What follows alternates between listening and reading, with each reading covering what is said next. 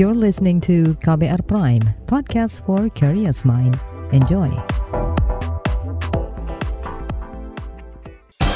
Saatnya Anda dengarkan Ruang Publik KBR. Selamat pagi saudara, kita berjumpa kembali dalam Ruang Publik KBR. Tema pagi hari ini problematika bantuan sosial BBM. Setelah kenaikan harga bahan bakar minyak BBM, pemerintah memberikan bantuan langsung tunai BLT bersyarat sebesar Rp600.000. Bantuan BLT diberikan pemerintah untuk masyarakat dan didistribusikan oleh PT Pos Indonesia. Pemerintah menargetkan sekitar 20 juta keluarga sebagai penerima bansos BLT BBM. Bagaimana skema pelaksanaan pemberian bansos BBM ini dan seperti apa problematika penyalurannya? Pagi ini di ruang publik KBR akan kita simak penjelasan Fitra Faisal, Direktur Eksekutif Next Policy dan Ekonom Universitas Indonesia. Mas Fitra, pemerintah kan memberikan bantuan langsung tunai atau BLT dan juga eh, BSU, bantuan subsidi upah untuk membantu masyarakat akibat kenaikan BBM. Apakah secara manfaat, Mas, BLT dan BSU ini bisa menggantikan uh, manfaat dari subsidi BBM? Uh, iya, jadi kalau kita lihat root cause-nya, subsidi uh, BBM dan dana kompensasi energi ini uh, sudah lama tepat tidak tepat sasaran ya. Jadi bagaimana kita melihat secara proporsi uh, yang menikmati sebagian besar adalah kelompok menengah ke atas. Jadi untuk Pertalite saja 80% di antaranya uh, untuk menengah ke atas, sementara cuma 20% untuk yang menengah ke bawah. Jadi dari sisi ini sudah jelas salah, salah sasaran. Dan uh, kalau begitu kita melihat uh, apa, penggunaan APBN memang uh, dalam kondisi yang uh, tidak menentu, penuh gejolak, maka harus kemudian kita alihkan ke tempat-tempat yang memang betul-betul prioritas. Ya, jadi mengembalikan fungsi APBN salah satunya sebagai uh, bantalan atau shock absorber. Nah, uh, oleh karenanya saya rasa uh, sudah baik gitu ya ketika kita melakukan reorientasi, reorientasi dari uh, subsidi yang kebanyakan diterima oleh masyarakat menengah ke atas itu ke arah uh, menengah ke bawah. Apalagi kalau kita lihat dari sisi beban anggaran tanpa adanya subsidi atau dengan adanya subsidi energi dan juga dana kompensasi BBM ini ini um, akan uh, memiliki tekanan yang cukup besar terhadap APBN ke depannya karena faktor penunjang gejolak ini tidak bisa kita kendalikan. Apa itu faktor penunjang gejolak? Faktor penunjang gejolak yang paling besar adalah tentunya kondisi eksternal. Uh, iklim geopolitik yang sampai sekarang juga belum kita bisa kendalikan, belum bisa kita kontrol ini suatu hal yang menekan ya harga-harga uh, komoditas dan uh, minyak bumi dalam hal ini ketika kita uh, bandingkan antara uh, produksi dan juga konsumsi ini sudah sangat timpang ya. 600 ribu barrel per hari itu produksinya sementara konsumsi sudah 1,6 juta barrel per hari. Dan ketimpangan ini kemudian harus kita impor. Dan impornya ini yang kemudian menekan APBN ya. Kalau kita lihat uh, proyeksinya bahkan APBN bisa bengkak lagi sampai 200 triliun lebih Eh, dari posisinya sekarang yang untuk subsidi dan dana kompensasi energi kalau di total-total itu sudah 502 triliun. Bisa berkembang lagi menjadi 700 triliun ya kalau misalnya kita tidak uh, apa namanya melakukan reorientasi atau penyesuaian. Nah, jadi dalam konteks yang seperti itu kita melihat lagi siapa yang perlu ditolong, terus apa yang bisa dikontrol. Yang tidak bisa kita kontrol adalah iklim geopolitik ya. Itu tidak bisa kita kontrol sama sekali. Yang bisa kita kontrol adalah data. Nah, data itu uh, baik itu data kesejahteraan sosial, data orang miskin, ini sangat bisa kita kontrol. Artinya tidak mustahil. Memang ada saja uh, inclusion dan exclusion error ya yang seharusnya masuk tapi dia berada dalam data ya, tidak berada apa uh, yang seharusnya masuk dia tidak berada dalam data exclusion error atau yang uh, tidak berhak berada dalam data atau exclusion error apa namanya inclusion error. Nah dalam konteks seperti ini uh, apa error-error itu masih tetap saja saya rasa juga masih akan masih akan uh, cukup besar. Tetapi ini bukan artinya kita tidak bisa memperbaiki itu gitu ya. Proses pemutakhiran ini adalah suatu hal yang lebih bisa dikontrol ketimbang tadi uh, subsidi apa sorry uh, tekanan eksternal iklim geopolitik. Nah, oleh karenanya ya kita harus kemudian melihat ini siapa yang paling rentan dan kemudian uh, uh, apa siapa yang paling membutuhkan gitu. Itu adalah uh, cara melihatnya. Kementerian Keuangan kan juga mengklaim bahwa kenaikan uh, BBM ini tidak akan mempengaruhi uh, tingkat kemiskinan, Mas, karena itu tadi seperti Anda katakan, kebanyakan subsidi ini dinikmati oleh kelompok masyarakat atas. Sementara untuk kelompok masyarakat bawah, daya belinya akan diberi bantalan dengan berupa bantuan sosial. Begitu ya Mas ya? Iya betul. Kalau tidak ada sama sekali, ya jelas nggak eh, nggak nggak mungkin ya. Pastinya akan ada karena ini pasti akan mengurangi purchasing power. Tetapi ya dengan adanya pengurang apa namanya eh, dampak itu itu dikompensasikan, gitu kan. Nah, kompensasi ini yang sedikit banyak bisa mempertahankan daya beli masyarakat menengah ke bawah gitu ya. Jadi kan kemarin keluar angka 24 triliun. Jadi sebenarnya uh, yang idealnya dari kalau perhitungan saya itu antara 20 juta atau 25 juta yang paling miskin ini bisa diberikan 300 ribu misalnya per uh, dalam waktu 6 bulan. Artinya 300 ribu sebulan. Nah, jadi ini yang paling ideal. Uh, kalau 300 ribu sebulan itu keluar berapa? Kalau 20 juta orang berarti keluar eh, uh, 36 triliun, kalau 25 juta berarti keluar 45 triliun. Ya, dan ini suatu hal yang uh, saya rasa uh, anggaran kita masih mampu. Karena tadi ada reorientasi potensi uh, uh, tambahan subsidi energi sebesar 196 triliun ya atau kita buatkan menjadi 200 triliun itu dialihkan ke Eh, dana kompensasi ini. Dan itu besarannya kan apa namanya sangat bisa di manage dengan baik. Apalagi kita sebenarnya masih diberkahi oleh apa oleh surplus komoditas. Selain minyak bumi ya komoditas-komoditas kita yang lain itu sebenarnya oversupply dan kemarin kita eh, bahkan di pengumuman BPS yang terakhir surplus eh, ekspor atau eh, dari sisi perdagangan internasional surplus perdagangan internasional ekspor impor itu bahkan yang tertinggi sepanjang sejarah ya dari apa namanya dari sisi nilai absolutnya. Nah ini sebenarnya memberikan semacam topangan kepada APBN ya untuk kemudian memberikan kompensasi kepada masyarakat-masyarakat yang benar membutuhkan. Nah, kemudian pertanyaan berikutnya loh bukankah oversupply itu atau berkah komoditas ini uh, masih bisa kita gunakan untuk menopang uh, apa uh, subsidi dan kompensasi energi. Uh, nah sekarang kita balikan lagi. Ini kita tidak bisa uh, melihat ya komoditi super cycle yang kita alami sekarang itu tidak jelas kapan selesainya juga gitu kan misalnya kalau misalnya tahun depan uh, masih ada mungkin kita masih bisa mampu kalau misalnya tahun depan tidak ada dan tahun-tahun depannya tidak ada lagi padahal yang namanya besaran subsidi dan kompensasi energi itu sifatnya adalah cukup lebam ya. Kalau misal disesuaikan dia akan ada semacam uh, apa disrupsi-disrupsi ya dari secara ekonomi dan secara politik. Nah jadi eh, apa namanya coba bayangkan ketika kita tidak ber berkah komoditas lagi di tahun depan tetapi di sisi yang lain besaran subsidi atau kompensasi energi masih cukup besar.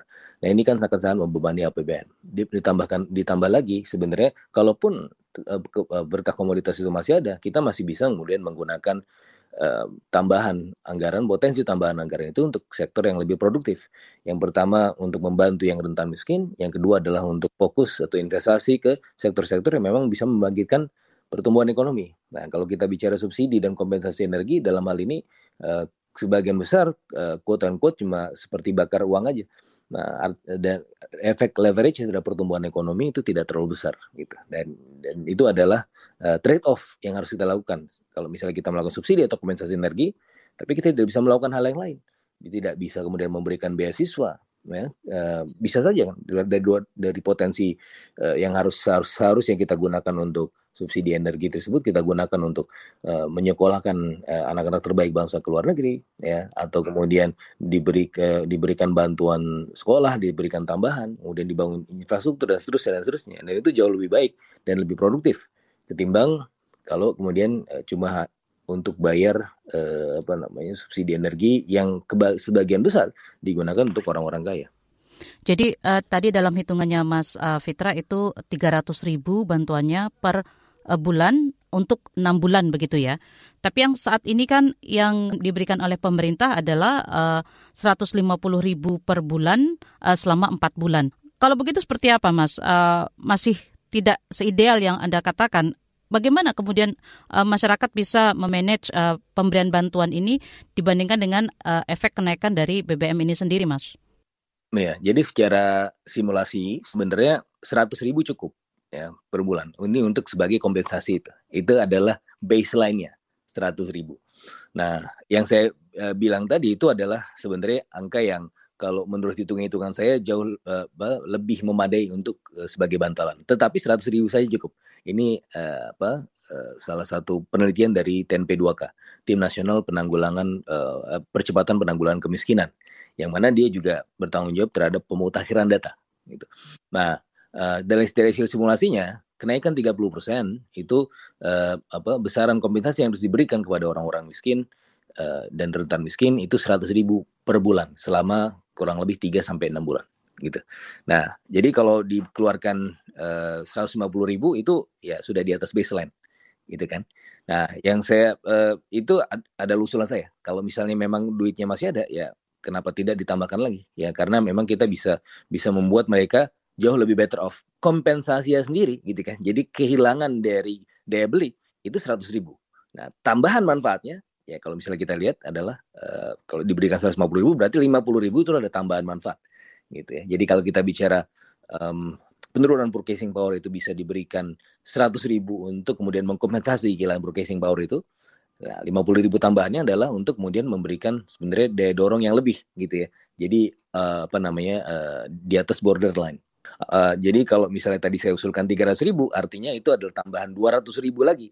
Uh, sebagai bagian untuk lebih dari sekedar mengkompensasi gitu kan. Jadi bisa kemudian membuat mereka lebih signifikan um, apa namanya daya belinya. Duitnya ada apa enggak? Ada ya. Bukan enggak ada ada. Ini kan saya rasa ini masalah pemutakhiran data saja. Ya kalau kita bicara 20 juta 25 juta orang mungkin nanti akan di, uh, beri, di apa diekspansi menjadi 25 juta orang. Uh, tapi kan masalahnya adalah tidak semudah, tidak semudah itu juga untuk kemudian memperbarui data secara cepat gitu ya. Itu suatu hal yang bisa kita lakukan tapi tidak bisa secara sangat cepat ya. Ada yang yang kita bisa adalah yang menggunakan data yang memang sudah terlebih dahulu ada ya. Lebih baik dikeluarkan dulu gitu ya tanpa daripada kemudian menunda-nunda terus tapi efeknya kemudian bisa lebih buruk kepada masyarakat ya meskipun ada inclusion dan exclusion error tapi yang jelas duitnya keluar dulu nah baru kemudian kita perbaiki datanya sedikit demi sedikit tahap demi tahap dan butuh kemudian uh, bantuan juga dari publik gitu ya. Jadi partisipasi publik di sini juga menjadi menjadi hal yang sangat penting gitu. Inclusion dan exclusion error itu pasti selalu ada ya. Tapi ini suatu hal yang sangat bisa kita kontrol daripada iklim geopolitik. Nah, jadi kalau kita bandingkan dua itu, ya pastinya kan ini kan suatu hal yang terjadi, yang menekan kita, gitu ya. Nah, dalam konteks seperti itu, eh, kita tidak bisa mendamaikan Rusia dan Ukraina. Ya, faktor penyebab gejolak gitu kan. Apa yang bisa kita lakukan? Memperbarui data. Nah, um, memang ini tugas yang tidak mudah, tetapi tidak mustahil, gitu kan. Jadi saya rasa ini bisa sepanjang jalan kita bisa uh, perbaiki ya dan ini saya rasa akan akan jauh lebih apa namanya kita butuhkan gitu ya per, perbaikan data. Dan ini adalah momentumnya juga. Karena kalau kita bicara data sebenarnya ini kan juga sudah mulai dari tahun 2000 ya. Ini pertama kali ketika di zaman SBIJK itu menaikkan uh, juga melakukan penyesuaian harga ya. Itu uh, pertama kali dilakukan 29% penyesuaian harganya. Dan uh, pada saat yang bersamaan itu kan pemerintah meminta BPS untuk melakukan survei by name by address keluarlah waktu itu kalau nggak salah 15 juta orang baru kemudian kita keluar diberikan kemudian dana kompensasi ini dinaikkan lagi atau penye lakukan penyesuaian harga sebesar 114 persen. Jangan ke mana-mana tetap di ruang publik KBR. Masih Anda dengarkan ruang publik KBR. Commercial break. Commercial break.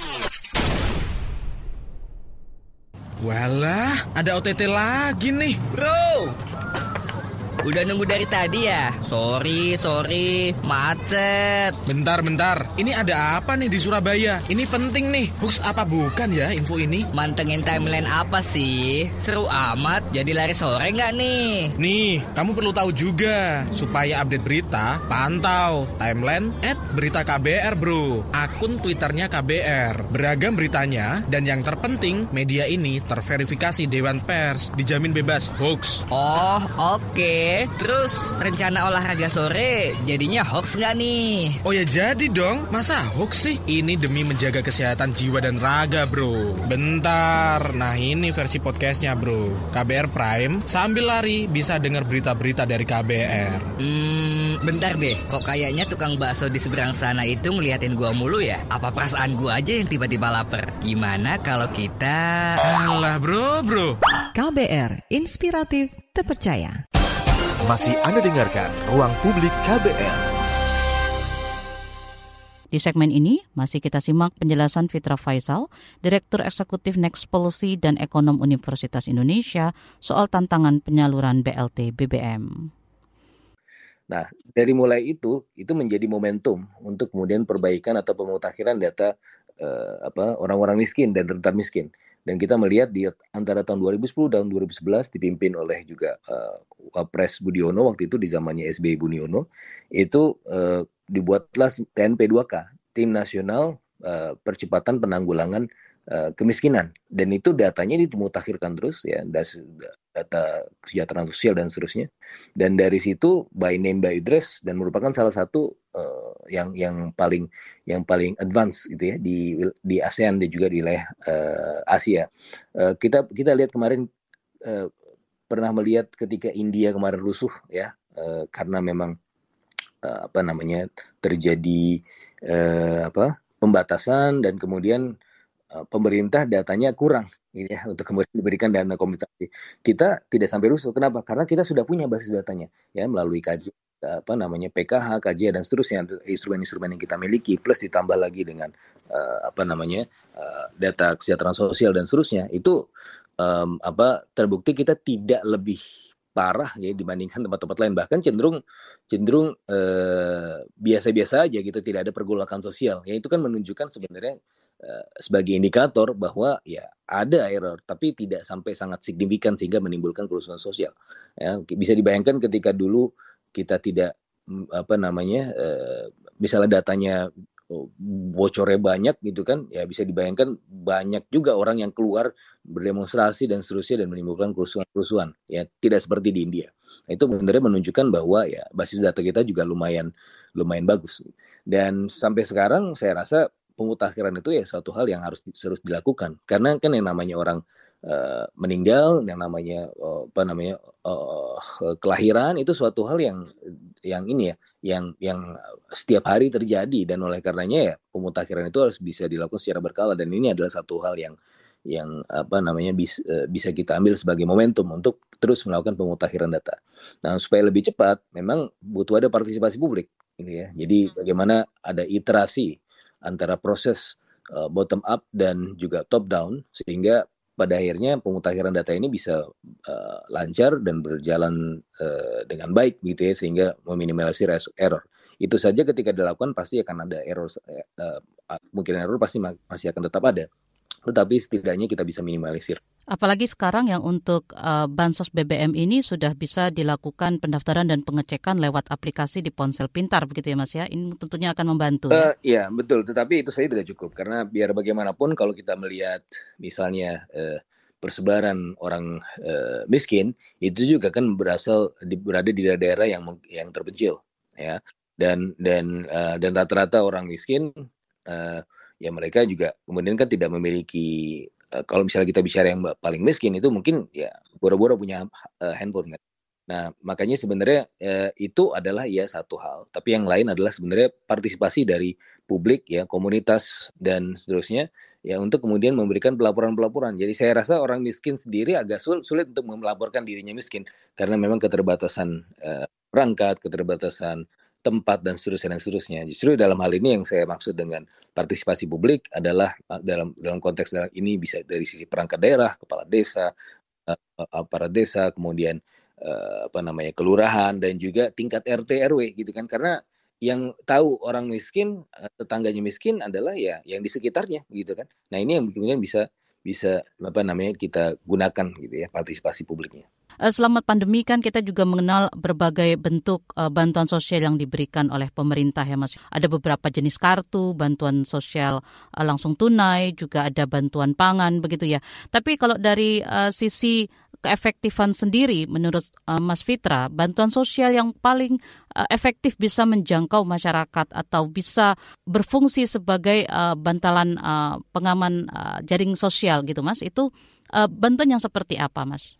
Bantuan yang sifatnya langsung, ya. Cash. Itu yang yang paling paling efektif ya. Di saat-saat uh, untuk uh, seperti ini ya untuk kemudian menahan gejolak. Ya dan kalau kita bandingkan antara subsidi produk dan subsidi orang misalnya ini sudah banyak penelitian ya. Seperti misalnya dari dari Ran Mahana Harvard University dari Penn Olken dari MIT University yang mereka sama-sama kemudian menunjuk bahwa kalau antara subsidi produk dan subsidi orang yang lebih bagus adalah subsidi orang. Subsidi produk adalah subsidi ke BBM ya yang mana rentan uh, tadi ya uh, rentan biasnya gitu kan dan itu sudah banyak penelitian-penelitian empiris di situ. Nah, uh, artinya kita bicara mengenai subsidi, subsidi ke orang atau bantuan ke orang. Sifatnya seperti apa? Apakah kemudian lewat lewat insentif pajak misalnya? Kan bisa kalau kita bicara instrumen kebijakan bisa yang sifatnya uh, tidak langsung seperti pajak atau yang bisa sifatnya langsung seperti misalnya subsidi atau bahkan lebih langsung lagi dalam bentuk cash. Uh, nah, uh, dari beberapa simulasi yang kami lakukan juga, kalau misalnya instrumen yang dilakukan oleh instrumen pajak, mungkin dia akan akan bagus buat uh, apa namanya industri ya. Tetapi kalau misalnya untuk yang kelompok yang rentan miskin tidak terlalu signifikan gitu kan, apalagi mereka juga tidak juga tidak merupakan merupakan bagian dari objek pajak. Nah uh, dan subsidi yang kalau kita bicara cash itu akan sangat mempengaruhi disposable income. Itu akan segera dibelanjakan, gitu kan akan digunakan segera dibelanjakan dan efeknya juga akan uh, ekonomi juga akan berputar, gitu. Itu yang jauh lebih lebih efektif. Nah, itu untuk yang kelompok yang rentan miskin. Bagaimana kelompok-kelompok uh, yang menengah? Nah, ini kan juga kemudian mendapatkan uh, gejolak juga atau shock dari dari penyesuaian harga. Ya, artinya kalau misalnya yang miskin atau menengah ke bawah sudah kemudian dikompensasikan dengan dana bantuan langsung, uh, yang menengah ini bisa dilakukan secara tidak langsung. Caranya seperti apa? Yang melakukan subsidi uh, kepada industri. Ya. Industrinya harus diberikan entah itu pengurangan pajak atau kemudian kemudian kemudian kemudian atau bahkan bisa juga dilakukan oleh subsidi subsidi uh, uh, langsung ya berupa misalnya kalau mereka harus bayar listrik listriknya kemudian dikurangi bebannya ya. Beban operasional dan seterusnya. Atau bisa fokus bisa dalam bentuk uh, transfer ke uh, langsung juga enggak saya rasa juga juga merupakan uh, best practice juga di luar negeri juga seperti itu ya. Jadi bagaimana industri-industri yang uh, apa uh, memiliki forward dan backward linkage yang tinggi uh, atau dampak multiplier yang tinggi itu jadi diberikan insentif ya. Untuk apa? Supaya mempertahankan kelas menengah mereka juga masih tetap oke okay, gitu ya. Nah jadi misalnya seperti sektor UMKM, sektor retail itu bisa juga diberikan subsidi. Ya, kemudian trans sektor transportasi umum, logistik dan pergudangan yang tumbuh eh, 20% di kuartal kedua dan merupakan bagian atau atau sektor yang tertinggi pertumbuhannya dibandingkan sektor-sektor lain itu bisa dipertahankan pertumbuhannya. Nah, misalnya transportasi umum ini juga bisa diberikan subsidi uh, selisih harga ya. Jadi misalnya angkot atau dan juga transportasi online itu bisa membeli misalnya pertalite di 7.650 nah, bukan 10 artinya kita tidak akan melihat kenaikan tarif di lapangan. Kalau kenaikan tarif itu yang kemudian uh, terdampak yang yang uh, yang juga kita harus perhatikan adalah kelompok menengah. Nah kelompok menengah yang di borderline ini seperti apa? Yang tiga setengah juta ke atas mereka tidak diberikan kompensasi apa apa tetapi uh, bagaimana kalau di borderline? Ya di atas sedikit tetapi ya kemudian bisa kemudian uh, tidak diberikan uh, dana kompensasi apa apa nah ini bisa lewat uh, tadi subsidi yang uh, ke sektor-sektor produktif dan juga sektor-sektor yang terdampak. Sektor transportasi ini dengan menanggung selisih harganya misalnya itu uh, hitungan saya cuma keluar 30 triliun lagi. Ya dan itu sangat bisa kemudian di di apa ditanggung oleh uh, APBN ya dengan reorientasi uh, apa subsidi tadi itu dananya saya rasa masih cukup ya. tambahan 30 triliun on top dari yang di spending untuk untuk apa BLT dan baksos itu saya rasa uh, masih cukup. Nah, bagaimana datanya? Apakah datanya nggak bocor? Nah, saya rasa ini jauh lebih komprehensif dibandingkan data kesejahteraan sosial. Kenapa? Karena data angkot itu dipegang Organda ya. Plat kuning itu kan udah udah sangat bisa di didiferensiasikan dengan dengan apa kendaraan pribadi. Nah, bagaimana yang online? Nah, online mereka database sudah database sudah sangat lengkap. Artinya kita bisa melakukan diskriminasi harga secara sempurna di sini. Ya, di mana sektor transportasi umum ini bisa men menikmati Pertalite 7.650 artinya sebelum disesuaikan dan selisih harga ditanggung oleh pemerintah dan kita tidak melakukan uh, kenaikan tarif. Ini sudah pernah dilakukan belum? Sudah di Eropa di Jerman itu mereka misalnya fokus subsidinya juga untuk sektor transportasi umum. Sehingga uh, ini di satu sisi itu tidak kemudian membebani tarif angkutan umum ya. Tidak ada kenaikan tarif. Di sisi yang lain juga ini akan kemudian memotivasi orang-orang untuk uh, fokus ke angkutan umum. Lagi pula kalau angkutan umum ini jumlahnya kan eh, apa namanya tidak sebanyak kendaraan pribadi. Artinya dengan kuota yang ditetapkan pemerintah sebesar 20 21 juta kiloliter itu saya rasa tidak akan habis juga kalau cuma untuk angkutan umum misalnya. Jadi eh, ini suatu hal yang saya rasa perlu dipertimbangkan.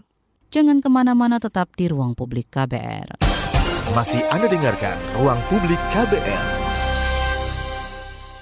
Terima kasih untuk Anda yang masih setia mendengarkan Ruang Publik KBR hari ini dengan tema problematika bantuan sosial BBM. Penyaluran BLT BBM dilaksanakan di seluruh provinsi dan daerah di Indonesia.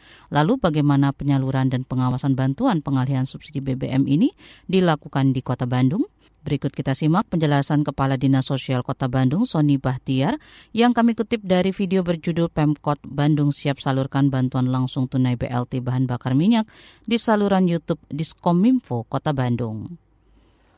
Pertama, bantuan sosial itu bisa berasal dari pusat hmm. melalui dana APBN. Ada juga yang berasal dari APBD provinsi, ada juga yang berasal dari APBD Kota Bandung. Nah, yang baru sekarang terrealisasi adalah penggunaan dana dari APBN melalui hmm. program BLT, ya, bantuan langsung tunai Eh, BBM. Juga ada eh, BPNT namanya bantuan uh, program yang non tunai.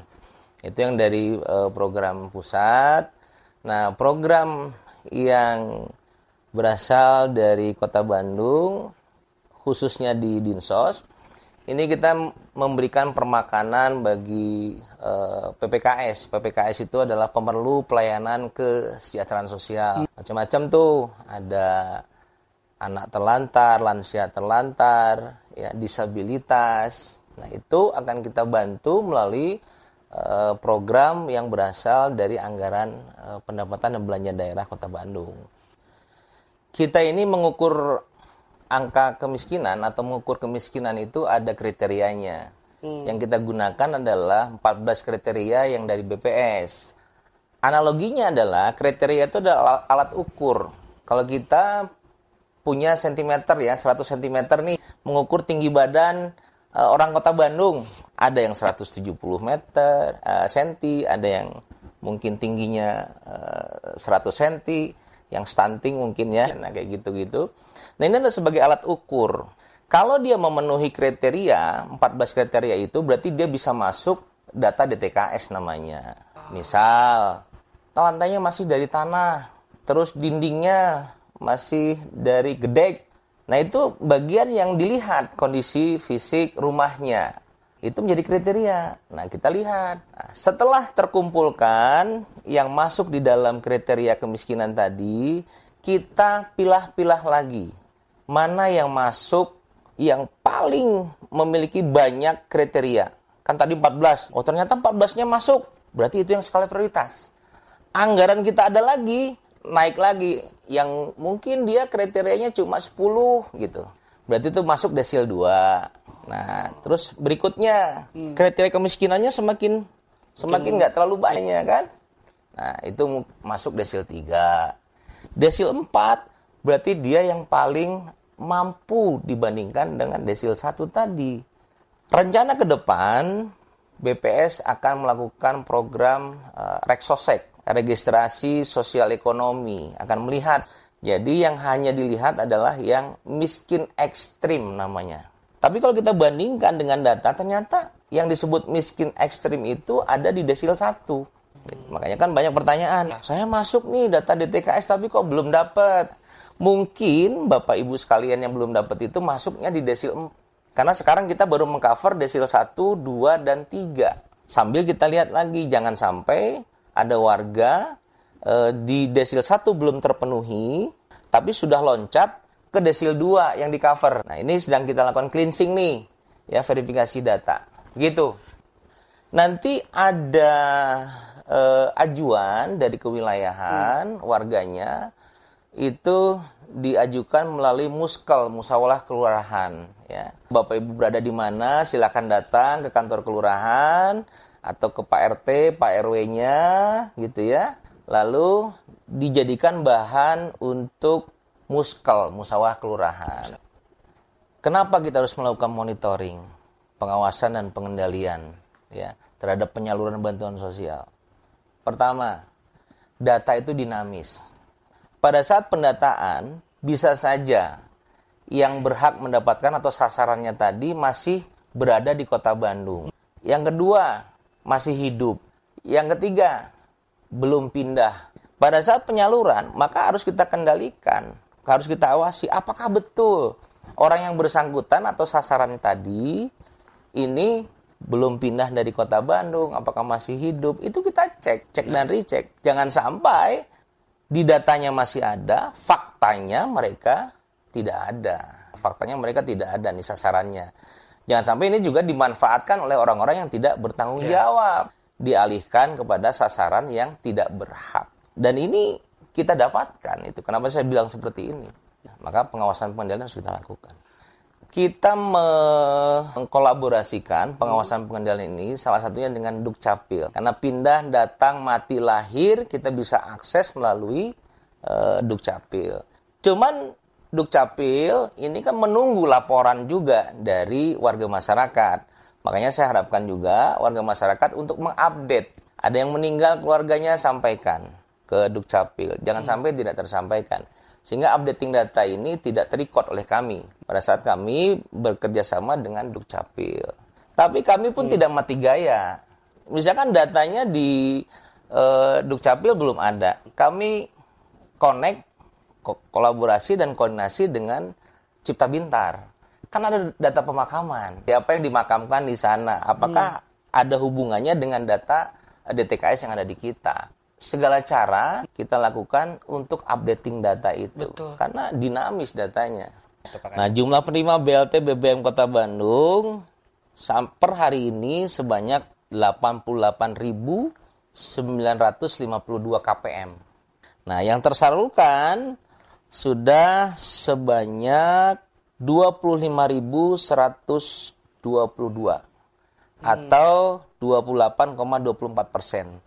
Penyaluran di Kota Bandung ini dimulai tanggal 5 September. Nah, kalau target di bulan ini harus sudah selesai semua. Kenapa? Kita lakukan eh, sedikit-sedikit gitu ya, agar tidak terjadi kerumunan pada saat eh, penyaluran itu. Karena tahapan-tahapan ini memang agak panjang, namun kita bisa eh, prokes kita jaga agar sampai biar warga masyarakat pada saat ngambil masih tetap sehat, masih tetap bahagia.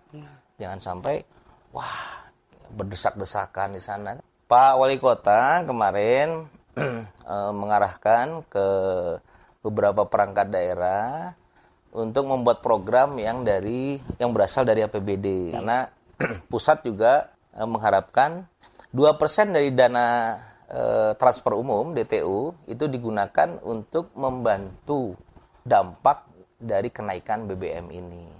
Program yang melalui Dinsos pertama kita gunakan untuk memberi bantuan permakanan bagi eh, warga-warga yang masuk di TKS. Ini juga kita bantu. Eh, terus untuk meningkatkan eh, fungsi disabilitasnya itu juga akan kita bantu jadi permakanan disabilitas terus sandang lalu gizi peningkatan gizi eh, bagi warga yang eh, masuk daftar eh, stunting tapi dia juga masuk di DTKS ada anak-anak kita yang masuk stunting tapi masuk daftar daftar keluarga yang DTKS pertama pasti semua kalangan itu akan terdampak. Baik tadi warga yang masuk di DTKS maupun warga yang di luar DTKS. Namun kami mohon uh, warga yang di luar uh, data DTKS ini kan pasti dianggap masih memiliki kemampuan secara ekonomi. Skala prioritas adalah kita membantu warga warga kita yang masih uh, berada di dalam data DTKS, DTKS tadi. Bahkan yang masuk data DTKS saja belum semuanya mendapatkan bantuan, apalagi ini yang di luar DTKS. Artinya harusnya bersyukur dong warga hmm. kota yang di luar data DTKS. Kenapa bersyukur? Berarti kita masih dianggap mampu secara ekonomi, ya kan? Masih dianggap daya beli kita masih kuat yang di luar DTKS. Nah, harapan saya bagi warga yang masuk DTKS yang belum mendapatkan bantuan tolong bersabar. Mudah-mudahan pemerintah juga tidak membiarkan warganya eh, dalam kondisi kesusahan. Pasti itu. Nah, oleh karenanya bersabar yang belum mendapatkan, yang mendapatkan mudah-mudahan ini bisa meningkatkan daya beli maupun digunakan untuk hal-hal yang produktif. Jangan ke mana-mana tetap di ruang publik KBR. Masih Anda dengarkan ruang publik KBR. Commercial break. Commercial break.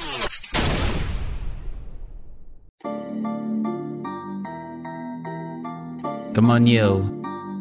Buat yang sukanya berhoax, you better listen to this one. Check this one out yo. Hati-hati kalau baca kabar hoax. Jangan langsung disebar kabar yang hoax. Kalau mau tahu kabar benar atau hoax, Dengerin cek fakta yang pasti bukan hoax. Dengerinnya setiap Senin yang jelas bukan hoax. Cuma ada di kbrprime.id dan aplikasi podcast lainnya. Hoax. Sudah cukup-cukup hoaxnya? Hoax. Cukup. Jaga emosi, tahan jari, verifikasi sebelum dibagi. Saya Aribo Sasmito, Ketua Komite Pemeriksa Fakta Mafindo. KBR Prime, podcast for curious mind. Masih Anda dengarkan Ruang Publik KBR.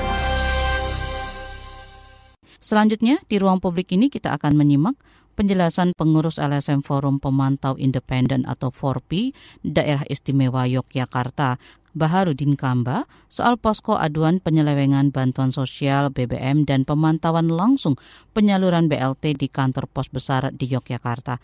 Berikut penjelasannya kepada KBR.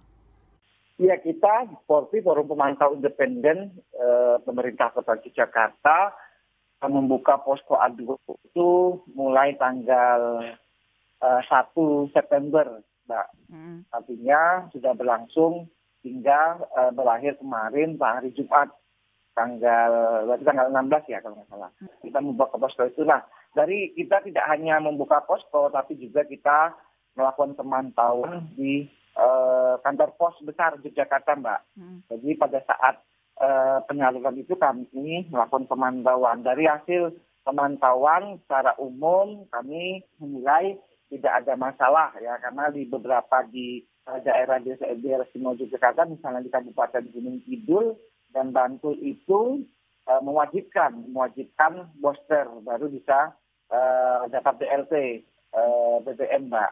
Hmm. Nah, sementara di kota Yogyakarta itu tidak ada kewajiban sepanjang itu prokes. Itu dari pemantauan kami.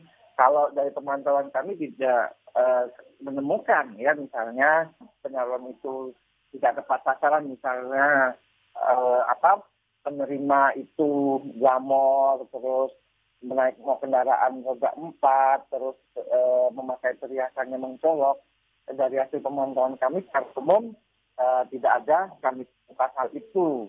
Nah, namun dari hasil uh, posko aduan yang uh, kami enggak apa uh, masyarakat adukan, masyarakat kota ya, masyarakat kota di Jakarta dapat terima itu belasan bahkan puluhan sampai hari ini baik secara langsung maupun via WhatsApp kami juga uh, buka aduan uh, via WhatsApp bahwa kebanyakan masyarakat itu mengadukan tidak tepat sasaran apa bantuan itu karena apa mereka menilai tetangga kanan kirinya yang sudah mampu secara ekonomi namun mendapatkan BLT dari tahun ke tahun sampai uh, tahun ini termasuk bantuan yang sebelum-sebelumnya Mbak. Nah, sementara dirinya merasa harus apa, mendapatkan, harusnya mendapatkan lah, layak mendapatkan bantuan BLT maupun bantuan sosial lainnya, tapi tidak mendapatkan. Itu setiap, eh, setiap tahun tidak hanya bansos BLT, tapi bansos yang lainnya eh, juga eh, ajuan dari yang masuk ke Porti dari masyarakat Kota Jakarta kami terima seperti itu, Mbak. Dan juga persoalan teknis misalnya seperti ini, Mbak di di web. Itu mereka uh, Kemensos itu kan dapat itu uh, ya ya. Kan di statusnya ya seperti itu. Tapi yang ada warga yang tidak mendapatkan undangan sementara uh, tetangga kanan kirinya mendapatkan undangan. Nah itu kan harus dicari undangannya ke mana. Seperti itu. Itu satu. Yang kedua yang lain misalnya uh, seperti yang saya katakan tadi misal uh, statusnya uh, tahun lalu dapat tapi tidak dapat. Bahkan ada seorang ibu ibu misalnya itu yang, apa yang mengadu ke polisi misalnya dia uh, ada misalnya pendamping ya pendamping itu ibu sudah saya coret seperti itu kan. Tidak mendapatkan bantuan misalnya dulu ada beras sembako seperti itu karena bingung terus kami bilang mungkin ibu uh, sudah dianggap uh, mampu dari segi uh, ekonomi sehingga hmm. ibu dicoret sebagai penerima uh, bansos. Nah hmm. detailnya seperti itu mbak. Jadi masyarakat eh, sebagian masyarakat kota Yogyakarta yang mengadu ke, ke pos proporsi itu ya dikarenakan tidak mendapatkan bantuan eh, tahun sebelumnya mendapatkan nah, dan yang kedua ada problem yang merasa eh, bansos itu tidak tepat sasaran dengan berbagai alasan yang saya sampaikan tadi mbak. Jadi setiap pengaduan itu warga itu kita uh, isu apa kita minta uh, nulis sendiri gitu mbak hmm. uh, namanya, alamatnya, nomor HP, terus masalahkan yang diajukan apa. Uh, ada juga misalnya warga yang keberatan untuk menulis gitu, ya, tapi nggak masalah kami juga kita kan juga uh, nggak apa mbak tidak memaksakan warga hmm. mau menulis atau tidak yang jelas setiap aduan warga itu kita uh, apa namanya kita sampaikan seperti itu. Nah aduan rata-rata seperti saya katakan tadi mereka merasa uh, harusnya dapat tapi tidak dapat. Dan tahun ini tahun kemarin dapat tapi tahun ini tidak dapat. Iya kita teruskan ke dinas sosial, dinas hmm. sosial eh, pemerintah seperti Jakarta untuk ditindaklanjuti. Misalnya masyarakat di kebingungan terkait informasi saya eh, harus ke mana saya mau mengajukan eh, bantuan nih. Ada juga masyarakat eh, seperti itu mbak. Misalnya dia mau mengajukan eh, untuk mendapatkan bantuan itu prosesnya seperti apa. Nah maka kami sarankan ke dinas sosial. Bahkan kita juga uh, kami menjelaskan misalnya ini apa uh, melalui melalui RW kelurahan kecamatan dan prosesnya itu panjang. Karena ada uh, proses misalnya uji publik uh, sehingga saya dua kali. Nanti ada tim juga tim verifikator tim validasi apakah uh, apa warga yang mengajukan itu untuk menerima apa calon penerima bansos itu layak untuk mendapatkan atau tidak. Jadi uh, aduan maupun keluhan dari masyarakat Kota Jakarta itu kami langsung sampaikan ke ke mana ke dinas terkait. Tidak itu aja mbak. Kami juga akan eh, rencananya akan melakukan eh, apa uji petik ke, ke lapangan terkait dengan informasi eh, warga dalam waktu pekan ini rencananya. Ruang publik KBR hari ini akan kita tutup dengan laporan khas KBR. Pemerintah mengakui selama ini bahan bakar minyak BBM bersubsidi kerap salah sasaran. BBM bersubsidi lebih banyak dinikmati kalangan mampu ketimbang masyarakat bawah. Lantas seperti apa cermin ketidaktepatan subsidi BBM tersebut? Berikut kita simak laporan khas KBR yang disusun jurnalis Reski Novianto.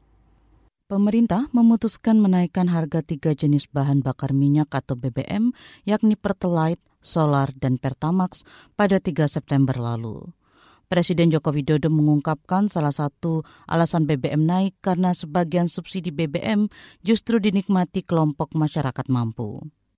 Lebih dari 70 persen subsidi justru dinikmati oleh kelompok masyarakat yang mampu, yaitu pemilik mobil-mobil pribadi. Presiden Jokowi mengatakan utang negara seharusnya diprioritaskan untuk memberikan subsidi ke masyarakat kurang mampu. Oleh karenanya sebagian dana yang semula dialokasikan untuk subsidi BBM bakal dialihkan ke anggaran bantuan sosial. Pernyataan itu turut diperjelas Menteri Keuangan Sri Mulyani. Sri Mulyani mengakui subsidi BBM salah sasaran karena lebih banyak dinikmati orang kaya. Padahal anggaran subsidi energi dari APBN untuk BBM maupun gas LPG ditujukan untuk masyarakat menengah ke bawah. Ini 80 persennya dinikmati oleh rumah tangga yang relatif mampu atau bahkan sangat kaya. 60 persennya. Jadi hampir 60 triliun sendiri dari 90 tadi. Sedangkan masyarakat miskin yang menggunakan untuk motor dan yang lain-lain yang mengkonsumsi pertalite, dia hanya mengkonsumsi 20 persennya. Bendahara negara itu menilai subsidi BBM yang tidak tepat sasaran akan semakin membuat APBN jebol. Oleh karena itu, pemerintah mengambil langkah menaikkan harga BBM, mengalihkan sebagian subsidi ke masyarakat melalui bantuan langsung tunai atau BLT, serta berencana membatasi atau mengatur penjualan BBM bersubsidi. PT Pertamina bahkan mulai menguji coba pembatasan pembelian BBM bersubsidi. Kebijakan ini pun ditanggapi beragam oleh masyarakat. Bambang, warga Tangerang, Provinsi Banten tidak setuju dengan pemberlakuan uji coba tersebut. Kalau menurut saya pribadi untuk pembatasan pertalite dan solar itu kurang tepat Pak ya. Karena kan kita tidak tahu kebutuhan di jalan di jalan itu seperti apa. Bisa jadi sebagai contoh kalau kita sering melakukan perjalanan dari Pulau Jawa dan Sumatera itu kan otomatis membutuhkan pada saat pengisian itu kan kita harus full. Untuk mengantisipasi khawatirkan di perjalanan itu SPBU kosong dan segala macam. Tapi kalau menurut saya saya nggak setuju dan itu kurang efektif. Nah efektif menurut saya adalah untuk kendaraan dengan cc tertentu itu yang harus dibatasi sebagai contoh kalau untuk mobil mewah itu dilarang untuk menggunakan bahan bakar yang uh, bersubsidi. Sikap serupa juga disampaikan Rida warga Bogor, Jawa Barat. Ya kalau uh, untuk pembatasan pembelian pertalite aku nggak setuju karena masih banyak orang-orang yang di bawah kita yang dia mata pencahariannya dari ngojek. Ya itu yang pertama. Yang kedua soal uh, kalau lapak-lapak kecil yang dia juga jualan pertalite dan pertama kalau seandainya dibatasi kan dia juga nyari makannya susah. Namun ada juga kalangan masyarakat yang setuju terhadap uji coba pembatasan pembelian BBM tersebut, seperti yang disampaikan Baneza warga Depok, Jawa Barat soal pembatasan pembelian BBM bersubsidi ada dari kendaraan bermotor, kendaraan umum, ada kendaraan pribadi juga. Aku sih sebenarnya setuju dengan itu supaya tidak ada penyalahgunaan dalam pembelian BBM itu sendiri dan BBM-nya lebih tepat sasaran. Tapi yang jadi pertanyaan ini adalah bagaimana dengan pembatasan untuk industri itu sendiri. Di sisi lain, peneliti Indef Abra Talatov menilai pembatasan pembelian BBM bersubsidi lebih elok dilakukan untuk mencegah salah sasaran ketimbang menaikkan harga. Ya, kalau mau anggarannya tidak jebol sampai 700 triliun ya, satu-satunya cara adalah dengan melakukan pembatasan dengan adanya kriteria penerima, ya, entah itu berdasarkan kendaraan ataupun berdasarkan individu dan rumah tangga. Tetapi kalau menurut hemat saya, yang lebih solid kebijakannya adalah dengan berbasis rumah tangga, bukan berbasis kendaraan. Tapi harus ada uh, solusi yang lebih konkret, nah, dan ini butuh keberanian pemerintah pada akhirnya untuk memberikan payung hukum bagi badan usaha dalam hal ini Pertamina untuk melakukan pembatasan penjualan BBM. Abra juga meminta pemerintah membenahi data untuk memastikan subsidi BBM tepat sasaran kepada individu atau rumah tangga yang berhak mendapatkannya. Demikian ruang publik KBR pagi ini dengan tema problematika bantuan sosial BBM. Terima kasih untuk kebersamaan Anda di pagi ini. Saya Fitri Anggreni undur diri. Salam. Baru saja Anda dengarkan Ruang Publik KBR.